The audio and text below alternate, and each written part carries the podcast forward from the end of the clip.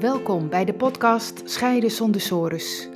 Ik ben Annewieke van der Boom en ik begeleid mensen die op het punt staan te scheiden en bang zijn voor een financieel drama, verlies van contact met je kinderen en eindeloze discussies met hun partner naar een nieuwe situatie waarin je meer quality time hebt met je kinderen, weer respectvol en ontspannen met je partner kunt communiceren en weer financiële duidelijkheid hebt.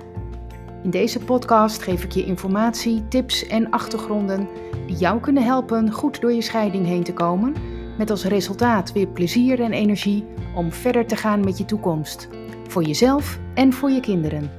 Dat is Scheiden zonder sores.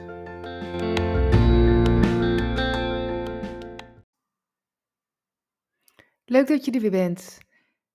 Deze aflevering gaat over het onderwerp huizenstress. Het onderwerp huizen zorgt voor veel stress bij het begin van de scheiding. Um, ja, waarom? Het roept heel veel vragen op en er zijn ook veel misverstanden over. En het hangt natuurlijk ook heel erg samen met financiën en daar heb je ook al onzekerheid over. Tellen we daar nog eens de moeilijke huizenmarkt bij op, zowel als je een huis wilt kopen of eh, in een situatie waarin je een huis wilt huren? Ja, dat allemaal samen uh, geeft heel veel vragen en onzekerheden. Logisch. En dus ook stress. Ik krijg er veel vragen over en daarom maak ik deze aflevering. Ik haal er eh, twee topics uit. En dat, de eerste is: hoe snel moet ik mijn huis uit? En de tweede is: wanneer weet ik wat ik kan kopen of huren? Nou, ik begin met de eerste. Um, hoe snel moet ik mijn huis uit? Ja, um, ik merk dat er best wel vaak uh, een misverstand is uh, bij mensen. Uh, namelijk dat ze denken dat zodra de mediation rond is, je direct je huis uit moet. Um, nou, hoe lang duurt nou zo'n mediation traject? Dat duurt een paar maanden, gemiddeld ongeveer drie maanden. En daar tel ik dan nog de tijd van de rechtbankprocedure bij op. Nou, dan kom je uit op ongeveer 4,5 maand. Dit zijn gemiddelden hoor, maar dan heb je even een idee. Um, ja, ik had laatst een telefoongesprek met een mevrouw die wilde gaan starten samen met haar partner met uh, mediation. Daar waren ze uh, helemaal uit en ze wilde dat ook bij mij gaan doen. Maar ze vond het toch allemaal te snel gaan. Ze wilde ook niet beginnen. Ze zag er best wel tegenop. Had allerlei bezwaren. Um, en daar hadden we het over. En toen bleek dat ze het idee had um, in haar hoofd dat ze aan het einde van het mediation traject direct het huis uit moest zijn.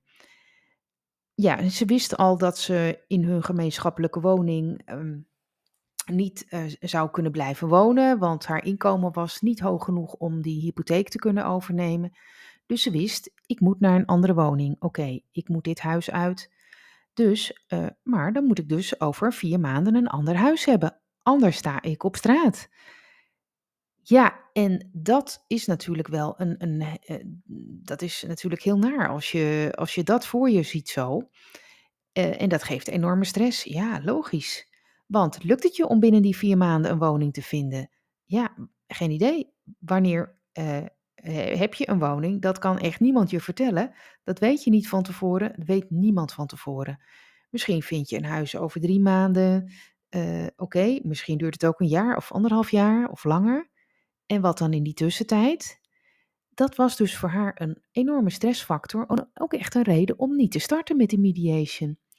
Ze had het idee, ik moet gewoon eerst een ander huis hebben. En dan ga ik pas starten, mediation, uh, starten met de mediation, want dan valt er geen gat. Oké, nou, ik kon haar vertellen dat deze stress niet nodig is. Tijdens de mediation kun je namelijk samen afspreken dat je op zoek gaat naar een huurwoning en dat je pas het huis uit hoeft zodra je die huurwoning hebt gevonden. Dus je spreekt niet een concrete datum af, want die weet je immers nog niet. En je moet natuurlijk in de tussentijd wel je best doen om iets anders te vinden, hè? om een ander huis te vinden. Dus niet alleen maar achteroverleunen, maar um, ja, wel echt actief op zoek gaan. En als het langer duurt, ook ja, je wensen wat bijstellen voor je nieuwe huis.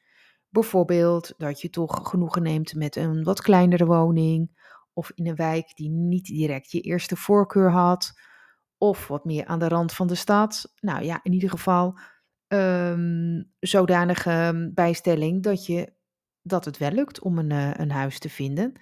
Maar goed, dan heb je dus geen harde deadline, niet zo'n datum van en nu moet ik eruit zijn. En dat betekent dat je op die manier dus toch al de mediation kan starten eh, en ook de hele scheidingsprocedure kunt afronden. En pas daarna eh, vertrek je uit de gemeenschappelijke woning zodra je een eigen zelfstandige woning hebt gevonden.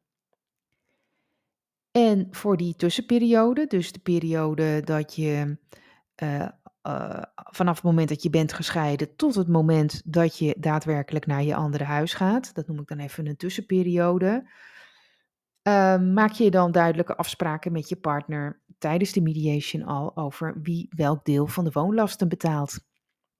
En dat hangt ontzettend af van de situatie, hoe je dat doet. Dat hangt af van jullie beide inkomen, van de hoogte van de hypotheeklasten en de verhoudingen daartussen. En ook of je partner wellicht al in een andere woning woont en moet er dan ook voor betaald worden of niet. Kortom, het hele financiële totale plaatje en de exacte omstandigheden van jullie, van jullie situatie. En er zijn geen standaardnormen voor.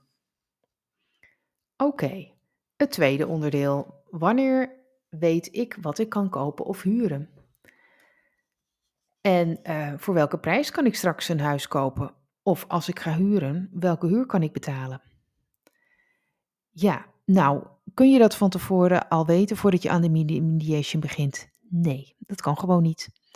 Je krijgt het antwoord op deze vragen pas tijdens de mediation. En de reden hiervoor is dat je inzicht en overzicht moet hebben over je hele financiële situatie. Dan weet je namelijk pas hoeveel vermogen je overhoudt na je scheiding. Je weet of je kinderalimentatie moet betalen voor je kinderen of dat je dat juist ontvangt. Je weet of je partner alimentatie gaat betalen of juist ontvangt en hoe lang. En je weet ehm, of je al dan niet de lage hypotheekrente van jullie huidige hypotheek kunt meenemen. En dat zijn allemaal hele belangrijke factoren. En daar moet je eerst, um, moet eerst een knoop over doorgehakt zijn. Pas als je dat overzicht hebt en dat ook allemaal besproken is, dan weet je hoeveel eigen vermogen je hebt en hoeveel je daarvan ook kunt gebruiken voor de aankoop van een nieuw huis. En weet je hoeveel hypotheek je kunt krijgen. Kijk, dan kun je echt op zoek gaan. En tijdens het mediation traject um, gaan de mensen hiervoor ook eigenlijk altijd wel naar een hypotheekadviseur om zich te laten informeren over hun mogelijkheden. En met die informatie ga je dan weer terug naar de mediation tafel en verder met de gesprekken.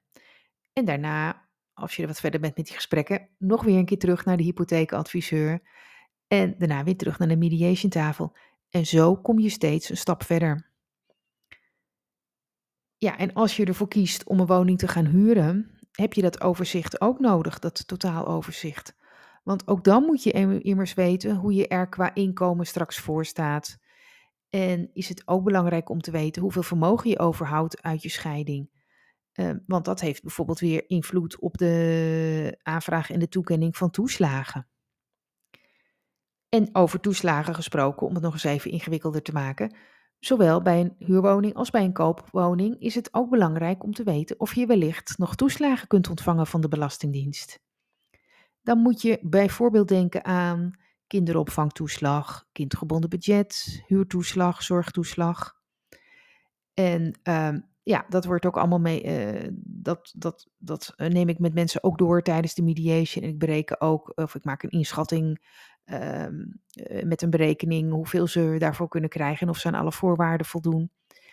En kijk, nu is het niet zo dat je met die toeslagen uh, direct een hogere hypotheek kunt krijgen, maar het speelt wel mee bij de vraag um, hoe je straks maandelijks, uh, maandelijks rond kunt komen. Dus pas zodra je dit allemaal weet, dan weet je pas wat je kunt kopen of huren en kun je ook concreet op zoek gaan. Ja, um, dit over de huizenstress. Ik hoop dat je hiermee een klein beetje inzicht hebt gekregen omtrent deze vragen over huizen. Um, wil je meer weten over scheidingsmediation? Dan kan ik je alvast vertellen dat ik over een paar dagen op maandag 26 juni 2023 om 8 uur s avonds weer een live webinar geef.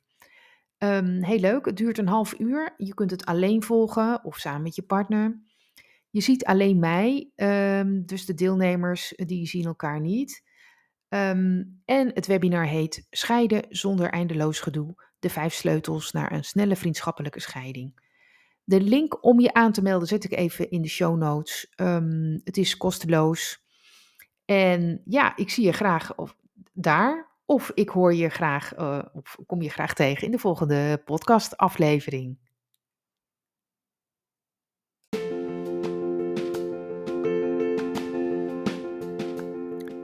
Leuk dat je hebt geluisterd naar deze aflevering.